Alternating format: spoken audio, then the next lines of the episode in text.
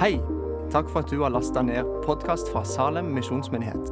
For å finne ut mer om oss, besøk vår hjemmeside salem.as.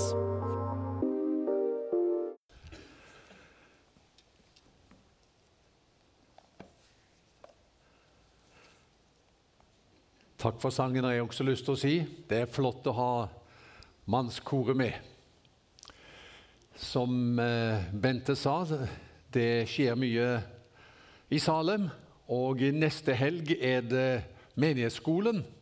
Den består av tre moduler. Første har vært, andre er altså nå, fredag kveld og lørdag. Og så kommer det en ny modul eh, på nyåret. Og Du som ikke fikk med deg modul 1, du kan også melde deg på nå på modul 2. Og den handler om å lede i forandring. Så det er virkelig god ledertrening, fordi vi vet jo verden er jo i stadig endring. Og For å møte mennesker så må vi også da tenke hvordan kan vi være i endring for at mennesker skal bli frelst. Det var jo en menighet som hadde som motto eh, mot nye mål i fedrenes spor. Og Hvis du tenker litt over det der, så var det kanskje ikke innertier mot nye mål i fedrenes spor. Ja, Vi kunne sagt at det hadde vært bedre hvis det hadde vært mødrenes spor, men det er ikke det vi er frem til. Men målene er de samme, men ikke nødvendigvis sporene. Det er jo mot fedrenes og mødrenes mål. Målene er de samme, men kanskje må vi velge nye spor for å se målene bli realisert. Hvordan kan vi nå mennesker i dag?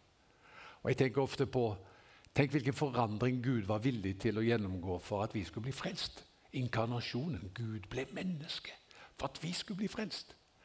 Så modul 2 handler om hvilke endringer kan vi måtte gjøre for at mennesker skal lære Gud å kjenne? Og hvordan gjør vi slike endringer på kloke måter? Så det er det. Så hvis du vil være med på modul 2, så tror du kan henvende deg til Rolf Henning. ikke sant? Rolf Henning Wihovde sitter der nede og vinker med høyre hånda. Og så kan han ta imot påmelding i kveld. Rolf Henning er administrasjonsleder i den perioden som Susanne Nordbø er i fødselspermisjon.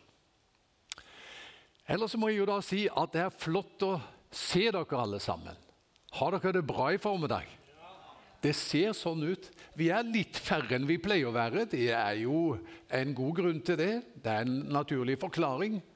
Det er jo at det ganske sikkert mange av kvinnene de er på kvinnekonferanse. Og vi hører gode rapporter derfra, og vi sier 'Gud velsigne kvinnene'. Og Jeg er jo enig egentlig, ikke til forkleinelse for mennene som sto her nå, men, men William Booth han hadde jo noe for seg når han sa 'mine beste menn var kvinner'. sånn. Så jeg vet ikke, Kan dere være med på det, dere brødre? Ja, jeg tror de er med på det. Nå skal vi gå til Guds ord. Og eh, vi holder da på i Galaterbrevet. Og Vi skal gå nå til Galaterbrevet kapittel 4, og vi skal lese de syv første versene. Men før vi leser de versene Galaterbrevet, hva handler det om? Jo, det store temaet det er jo lov og nåde, og at ikke vi må blande disse to veldig grunnleggende, men svært forskjellige måtene å forholde seg til Gud på. Lov og nåde. Det er to diametralt motsatte måter å forholde seg til Gud på. Loven sier hvis du lever opp til standarden, så skal du bli velsignet og få del i en rik åndelig arv.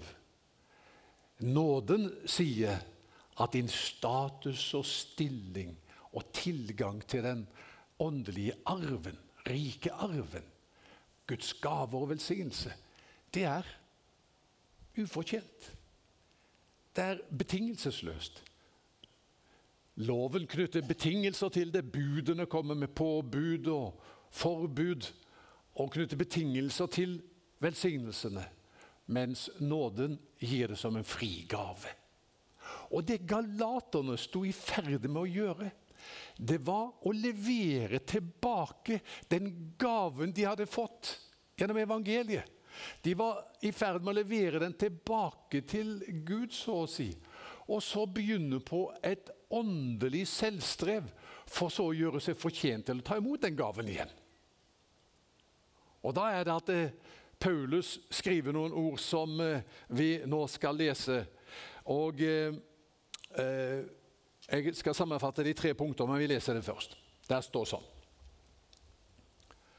La meg forklare dette fra vers 1.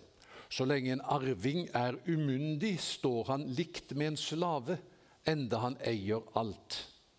Han står under formyndere og forvaltere helt til den tiden hans far har fastsatt. Slik er det også med oss. Da vi var umyndige, var vi slaver under grunnkreftene i verden. Men i tidens fylde sendte Gud sin sønn, født av en kvinne og født under loven. Han skulle kjøpe fri dem som sto under loven, så vi kunne få retten til å være Guds barn. Fordi dere er barn, har Gud sendt sin Sønns ånd inn i våre hjerter, og ånden roper 'Abba, far'. Derfor er du ikke lenger slave, men sønn. Og er du sønn, er du også arving, innsatt av Gud. Amen. Herre, nå ber vi deg, du som ved din ånd inspirerte disse syv versene. Du pustet ditt liv inn i disse ordene. Og Nå ber vi at vi skal få lov å erfare den livgivende pusten fra disse ordene i vårt eget erfaringsliv. Hellige Ånd, takk at du er her og vil veilede oss til hele sannheten. Ditt ord er sannhet. Amen. Det som Paulus her sier, kan sammenfattes i eh, tre punkter. Og du skal få dem med en gang, så du vet hvor jeg liksom er på vei.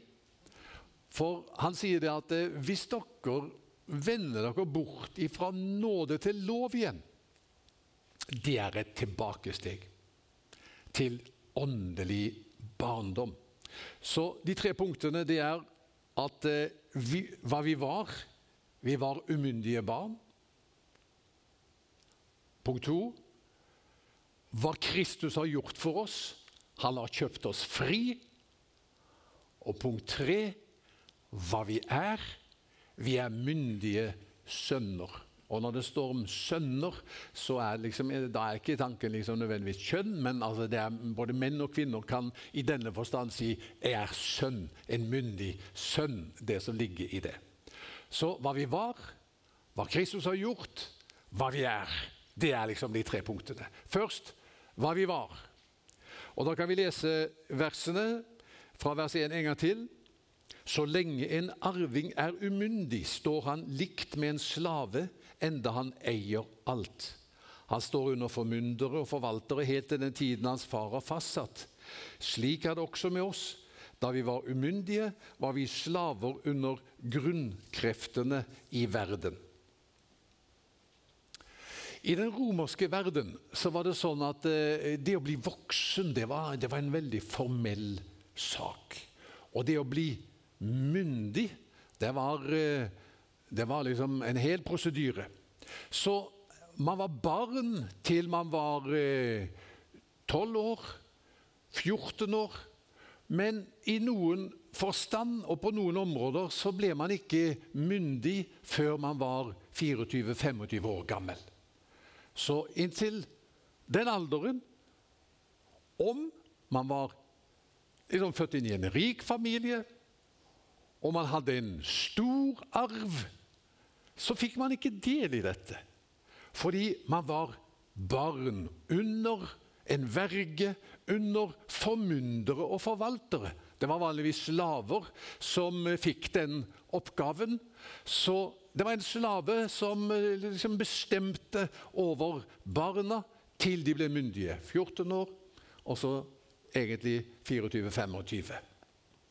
Og da kan vi si at barna i en forstand ikke så var så mye bedre stelt enn slaven, faktisk. Så selv om de var arvinger, så hadde de ikke fått del i det. De hadde arven som et løfte. En gang i framtiden skal du få det. Men nå hadde de ikke eh, tilgang til det. Hva er det bildet en illustrasjon på. Paulus sier det, at uh, vi kan forstå det ut ifra sammenhengen her, i alle fall, at dette er en illustrasjon på sånn som det var for israelsfolket da deres forhold til Gud var bestemt ut ifra pakten som han inngikk med dem ved Sinai-fjellet, lovpakten. I 1300 år var israelsfolket under en formynder, en forvalter. Og det var Moseloven, som sa du skal og du skal ikke. Og det handlet om å leve opp til dette. Og eh, i alle disse årene så fikk de egentlig ikke del i arven helt og fullt. For det var en frihet og en glede som var lovt, men de var under bud, under eh, påbud og forbud. Og dette her regulerte livet, og eh, de fikk ikke del i arven helt og fullt. Sånn var det. De var arvinger, men de var under loven, som var en formynder. Også kristne kan, hvis vi beveger oss inn i et uh, lovisk spor, havne i en situasjon der vi er som umyndige barn under en formynder og en forvalter. Da er det sånn at loven sier du skal, og du skal ikke. Og velsignelsene er knyttet til at du lever opp til hva loven sier. ikke sant? Det er en standard som du skal leve opp til. Det husker vi eh, fra forrige søndag. Dersom du er lydig, så skal jeg velsigne. Og dersom du ikke er lydig, så får du ikke del i velsignelsen. Det er liksom den åndelige barndommen. Sånn er det å leve med loven som forvalter. Du har løftet løfte om en stor rikdom, frihet og glede og åndelige velsignelser, men du får ikke del i det. Hvorfor? Nei, det er disse forutsetningene. Det er disse betingelsene som er knyttet til velsignelsen. Du er lydig, du lever opp til standarden, og jeg skal velsigne deg. Du er ikke lydig, du lever ikke opp til standarden. Du får ikke del i velsignelsen. Da har du løftene om at noe skal bli deg til del, men du når det ikke, for du snubler i betingelsene, forutsetningene for at du skal få del i det. Ser du det? Og Paulus sier dere må jo ikke, sier han til de i Galatia, bevege dere tilbake dit. Så der var vi var. Vi var umyndige, det som Gud hadde å gi, var der liksom som løfter, men vi fikk ikke del i det fordi det var betingelser knyttet til det som vi ikke kunne leve opp til. Loven kunne ikke hjelpe oss til det. Vi var slaver under grunnkreften i verden. Det er et interessant begrep. Hva betyr grunnkreften i verden? Grunnprinsippet i verden, vet du hva det er? Jeg skal snakke mer om det neste søndag. Men grunnprinsippet i verden du må betale for ting. Det er ingenting som er gratis. Tenk deg om. Det er sånn. Når det er et eller annet vi vil ha, så lurer vi på hvor, lurer vi på, hvor er prislappen? Hva koster dette? Og du har hørt ordtaket Hvis du får et tilbud som høres ut til å være for godt til å være sant, så kan du være sikker på at det er nok for godt til å være sant. Fordi at i denne verden må du betale for ting. Og dette grunnprinsippet, disse grunnkreftene i verden, det levde galaterne som hedninger under. Selv om de ikke hadde de ti bud sånn som jødene hadde fått dem. Men det, det var en, en, standard de måtte leve opp til. Sånn er det for alle mennesker. Og sånn var det også for jødene. Så det, altså, det er det som er å være et umyndig barn. Det er en arv der. Men jeg får ikke del i det. Jeg får ikke tak i gleden og friheten og velsignelsen, for jeg snubler i betingelsene. Jeg greier ikke å leve opp til det. Skjønner du? Ok, Punkt én. Punkt to. Hva Kristus har gjort, dette er veldig bra saker. Skal jeg love deg. Han har kjøpt oss fri. Vers 4. Men i tidens fylde sendte Gud sin sønn, født av en kvinne og født under loven Han skulle kjøpe fri dem som sto under loven. Hør på det! Jeg må lese det en gang til. Han skulle kjøpe fri dem som sto under loven. Det er formynderen, det er vergen, det er forvalteren. ikke sant? Så vi kunne få retten til å være Guds barn. Hvis vi skal forstå dere hva Kristus har gjort for oss, så må vi bevege oss tilbake i tid på to arenaer. Og Nå skal jeg ta dere med inn på antikkens slavemarked. Og når vi har vært der en liten stund, skal jeg ta dere med inn i et antikk rikmannshjem. Ok? Men først slavemarkedet. Kjøpe fri. Det er nemlig et begrep som bringer oss rett inn på slavemarkedet. Det fantes eh, jeg tror 600 000 slaver i Romerriket. Hva, hva var det med en slave? En slave tilhørte jo noen annen. Og vi er slaver under loven, leser vi. Grunnkreften i verden dette prinsippet du må gjøre deg fortjente ting. Jødene, hedningene likedan. Vi var slaver under loven. Loven eide oss. Loven hadde krav på oss. Den sa hvordan vi skulle være, og hvordan vi ikke skulle være. Og eh, Problemet var at vi greide ikke å leve opp til dette. Og fordømmelsens mørke sky henger over oss. Så kommer Kristus inn på dette slavemarkedet. Og det å kjøpe noen fri, det betyr rett og slett at man betaler den fulle prisen for en slave. Og så kjøper vi det mennesket fri fra det slaveforholdet det var i. Loven var den som vi var en slave under. Kristus kom inn på slavemarkedet, kjøpe oss fri. Hvordan gjorde han det? Ja, For det første så må vi jo si han oppfylte jo loven til punkt og prikke. Oppsummert så kan vi si om Jesus han gikk omkring og gjorde vel. Og Det står også i Bibelen at han sier 'Å gjøre din vilje, Gud, er min lyst'. Altså, Jesus oppfylte loven til punkt og prikke. Og vi kan si han gjør det som vår mann, som vår stedfortreder. Men ikke bare det. Han tar også på seg straffen for våre feiltrinn for våre mangler, våre forsømmelser, men også våre overtredelser. Han tar på seg straffen for det. Og på den måten så betaler han ut til loven det som vi skylder loven. Han betaler det. Og fordi han betaler full pris for oss, så kjøper han oss fri fra dette forholdet. Og så er vi frie fra loven. Som en vei til å fordele velsignelser, som en vei til å bli Guds barn, som en vei til å få en åpen himmel over livet vårt og alle Guds gode gaver. Han har kjøpt oss fri fra det. Ja, det er de gode nyhetene. Det er den ene siden av de gode nyhetene. Det er liksom det som skjer på slavemarkedet. Men han ikke bare kjøper oss fri, men han gir oss del i en uendelig rikdom. Og Da må vi ha et lite sceneskifte, og så beveger vi oss over til et antikk rikmannshjem. Altså, de er styrtrike, denne mannen og denne kona. Det er eh, Bill Gates i endte potens. De er så velstående. De har ett problem. De har ikke barn.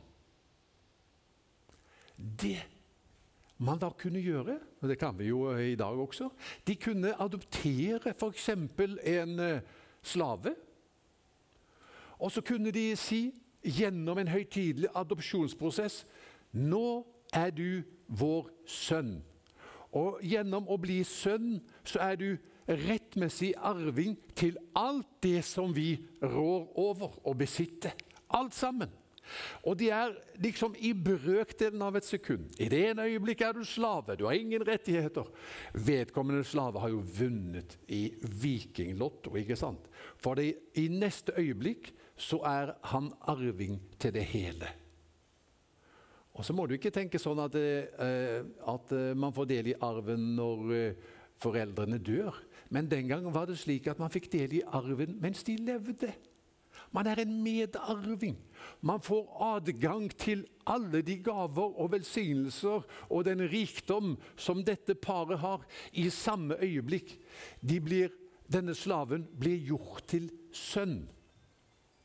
Og det å bli gjort til sønn det er det samme som å bli gjort myndig. Du vet Hvordan blir man en kristen? Ja, Vi blir født på ny. Ikke sant? Det er ikke noen annen vei. Alle som tok imot ham, dem ga han rett til å bli Guds barn. Og de er født prikk, prikk, prikk, av Gud. Vi, vi, vi kom inn i Guds familie ved å bli født på ny. Og Da er vi et lite barn som trenger å vokse. Men det som Paulus snakker om her, når han snakker om eh, kjøpe dem fri som sto under loven, så vi kunne få retten til å være Guds barn, så så skal du ikke se for deg den nye fødsel og eh, her er en liten baby, men du skal se for deg en romersk adopsjon. Der et menneske får rett til og disposisjon over all rikdommen. Man er en, ikke et umyndig barn lenger, men et, en myndig sønn. En, et menneske som har fått del i arven og alle gaver og velsignelser. Umiddelbart er det gjort tilgjengelig for vedkommende. Dette er hva Jesus har gjort for oss. Eh, jeg tenker på dette verset, eh, vers 5. Han skulle kjøpe fri dem som sto under loven, så vi kunne få retten til å være Guds barn. Det er liksom to halvdeler, har jeg tenkt, som er som et hele. Jeg har faktisk tatt med meg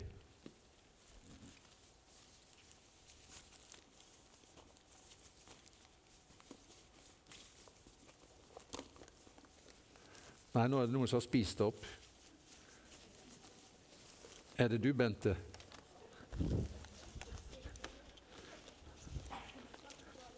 Jeg hadde et eple her, vet du. Jeg fant ikke igjen. jeg har så mange lommer i denne veska. Du finner det sikkert etterpå. Det gjør ikke noe. Poenget var eh, at eh, det er liksom to halvdeler som utgjør et hele. I tidens, skal vi se, Han skulle kjøpe dem fri som sto under loven. Det er den ene halvdelen. Vi kan se for oss hva som står at Kristus tok han ble en forbannelse for oss, leste vi om i, tidligere på et møte i Galaterbrevet 3. Han ble en forbannelse for vår skyld, tok forbannelsen på seg. Lovens forbannelse. Vi greide ikke å leve opp til standarden. Han tok det på seg. Det er den ene siden av det. Den andre siden det er at uh, han gir oss retten til å være Guds barn. Vi får sønnekår, sønnestatus, altså en som blir arving og medarver med Kristus og får tilgang til alle Guds velsignelser. Det, liksom, det er de to bitene der sammen. Eh, jeg kan jo illustrere dette her på en annen måte også. Jeg har jo tatt med meg denne krittavla for eh, anledningen. Og Da tenkte jeg at vi skulle skrive på denne tavla for å illustrere dette verset, de to halvdelene som det utgjør. Eh, skrive først våre synder. Hva er det? Hva har vi gjort?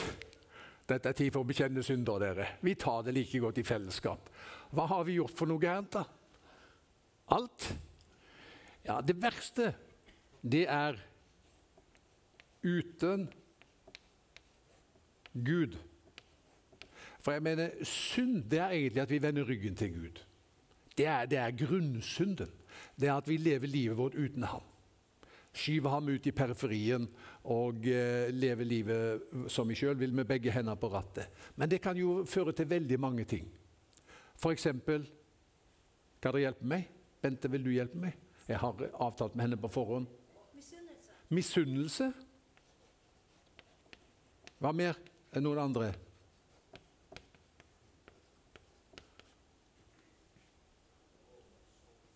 Hæ? Hovmod?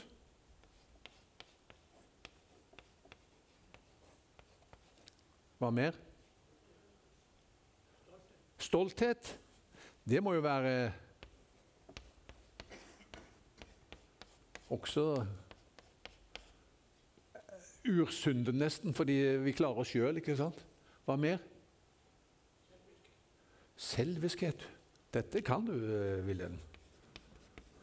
Selvisk. Selviskhet. Vi må ha plass til et par til. Likegyldighet var det noen som sa.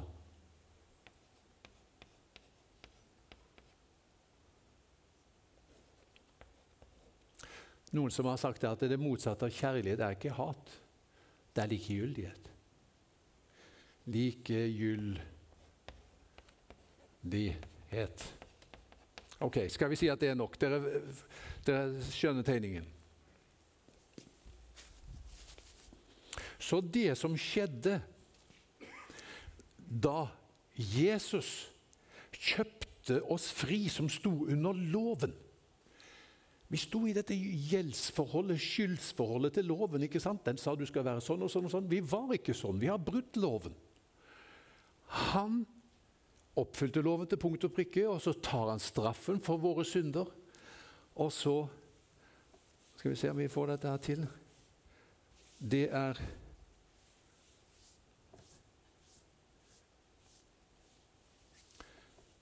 Jesu Guds sønns blod renser for all synd, leser vi et annet sted. Og Her har vi dette uttrykket Han stryker ut våre misgjerninger. Der borte. Det er den første halvdelen av dette verset. Han skulle kjøpe den fri som sto under loven. Der er vi nå. Men så, da? Når vi er kommet så langt, er vi halvfrelst. Nå er vi halvfrelst av nåde, men vi vil jo ikke gå rundt og være halvfrelst. Vi vil være helfrelst. Og hvordan er vi når vi er helfrelst? Jo, nå skal du høre. Vi tenker kanskje nå, nå har Gud strøket ut våre synder, og nå må vi jo nå er det jo opp til oss å gjøre gode gjerninger og, og, behage Gud, slik at vi fortsatt kan stå under Hans smil og velvilje og ha tilgang til, til eh, Hans gaver og den åndelige arv Han vil gi. Hvis vi er der, så beveger vi oss fort inn på et uh, lovisk spor. For nå skal du høre. Kristus har ikke bare kjøpt oss fri fra loven, men han har gitt oss retten til å være Guds barn. Det betyr han har gitt deg tilgang på arven. Det er ikke noe du må arbeide for. Det er en gave. Retten, å, være, retten til å være Guds barn, det er du, en, du står ikke under en formynder lenger som sier 'gjør det og gjør det og gjør det', så kanskje du får oppleve velsignelse. Nei, han sier 'arven er din'. Du har fått nøklene til bilen, nøklene til alle rom i huset. Du er sønn.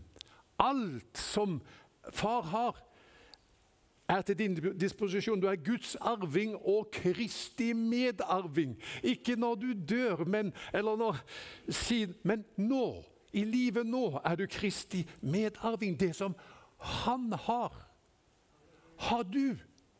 Det er det det betyr. Retten til å være Guds barn. Det betyr retten til å være Guds sønn. Det er synd ikke alle bibeloversettelser skjelner skjelne mellom barn og sønn, for da, da, får vi ikke tak i det. Men det som står her, det er retten til å være Guds sønn. Altså, du er adoptert og er arving og har fått del i det. Så hva betyr det? Jo, det betyr at nå har Kristus skrevet sin rettferdighet Rettferdighet på de tavle. Han oppfylte loven til punkt og prikke, sa jeg, alt, han gjorde alt rett i forhold til Gud og sine medmennesker. Han var et fullkomment rettferdig menneske. Ved troen på Jesus er det ditt. Det er på tavla di. Jesus han var hellig, og det er du òg. Det står i Kolosserbrevet. Hellig, feilfri, uangripelig dette er bare et sitat fra Kolosserbrevet kapittel 1. Uangripelig.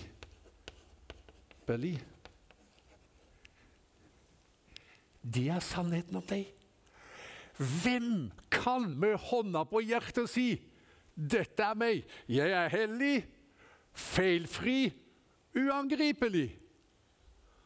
Nei, Vi kan begynne på første benk. Vi kan jo begynne med Hva sier du, Bente? ja.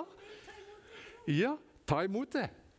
Uh, for det er sant om Kristus. Han var hellig, feilfri, uangripelig. Dette er godskrevet deg. Du er Kristi medarving. Det er på din konto nå. Eh, elsket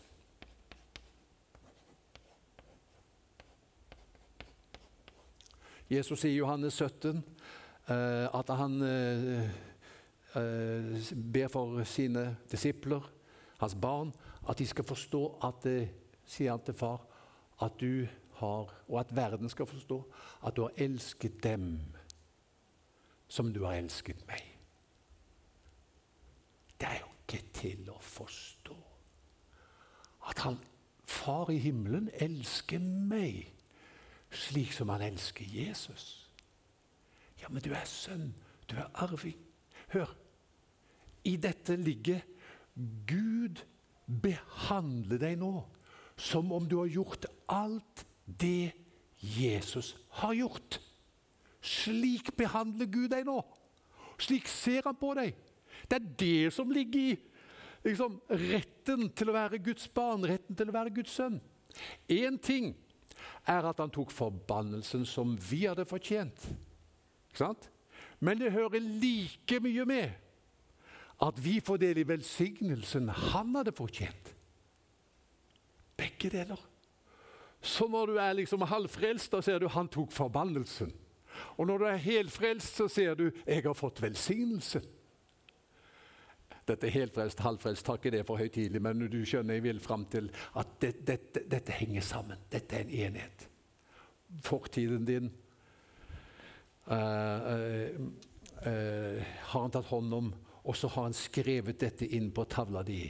Dette gjelder nå for deg. Dette betyr enormt mye for oss. Loven sier den kommer med forbud og påbud og betingelser for at du skal få del i arven, og det fører ikke fram. Vet du hva lutheranerne sier? Luther sier, og det er med Paulus. Tror du det, så har du det. Vi må si det en gang til. Tror du det, så har du det. Kristus sier du er rettferdig. Tror du det, så har du det. Kristus sier, 'Du er under en åpen himmel, og du er elsket'. Tror du det, så har du det. Ikke sant? Du er hellig, feilfri, uangripelig. Du er ikke lenger under formynder og forvalter og, og, loven som sier først må du gjøre det og det, det, så skal du få del i arven.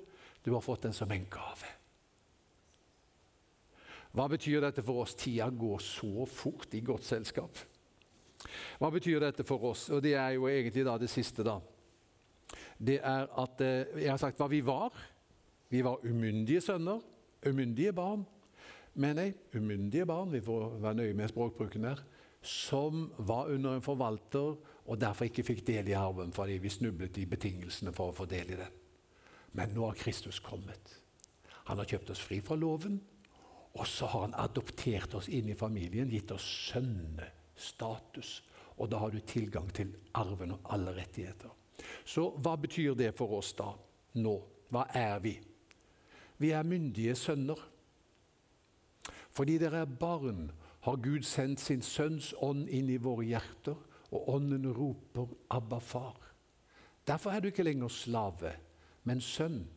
Og er du sønn, er du også arving. Ser du det? Er du sønn? Da er du også arving, innsatt av Gud. For det første så står det her da om et fortrolig fellesskap. Nå når du er en myndig sønn og ikke et umyndig barn, så har du et fortrolig fellesskap med Gud. Han har sendt Ånden i ditt hjerte. Til hvor mange? Til alle som tror på ham Alle som tror på Jesus, har han sendt Ånden, sin Sønns ånd, i våre hjerter, og Ånden roper 'Abba, far'. Dette betyr at det Jesus vant for oss på korset, og vi nå har som en juridisk hva skal vi si, rettighet, på en måte, åndelig rett og et privilegium, det gjør Ånden til en erfaring i livet vårt. Dette går opp for oss jo mer du dveler ved det. Jo mer du liksom har øynene festet på Jesus og det han har gjort for deg, disse to halvdelene i dette vers som vi så, så, så er ånden der. Og så tenner han fyr i hjertet ditt, så du blir så begeistret for Jesus, og så roper du 'Abba, far'. Roper det er et sterkt ord. Det, det greske ordet det, det er et veldig sterkt ord. Samme ordet som når Jesus roper ut på korset. Det er fullbrakt. Et veldig følelsesladet, sterkt ord. Og du roper, for du er så berørt i ditt indre. Er dette sant om meg? Er begge de delene som du sier, Herre, sant om meg? Er jeg både kjøpt fri fra loven og innsatt som arving og har tilgang til arven? Dette er fenomenalt! Jeg kjenner at jeg får lyst til å rope. Hva har du lyst til å rope, da? Ja, nettopp. Abba, far, har du lyst til å rope. Hva betyr Abba? Det betyr pappa. Det betyr far, liksom i, i fortrolig forstand. Og dette tar vi med oss ut i hverdagen. Fordi hvordan er det at vi roper 'Abba, far'? Når, ja, vi, Bent og meg vi har jo fire barn. Og når de var små og var hjemme hos oss Vi var jo alltid i nærheten.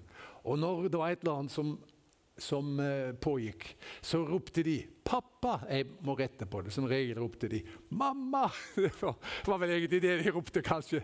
For hun var nær. Og, og så trådte hun til.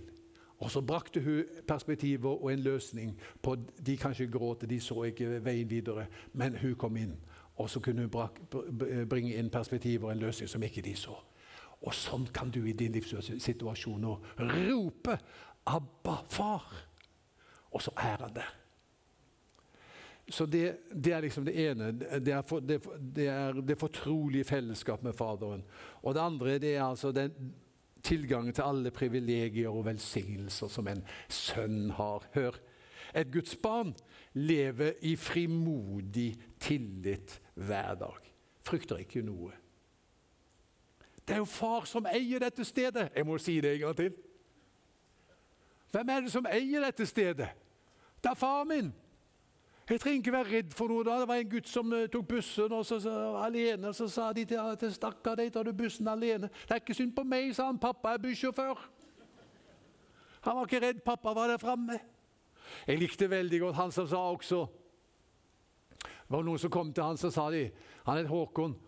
Og så var det i friminuttet. Så sa de til han, 'Ja, Håkon, er du en kristen, du, da?'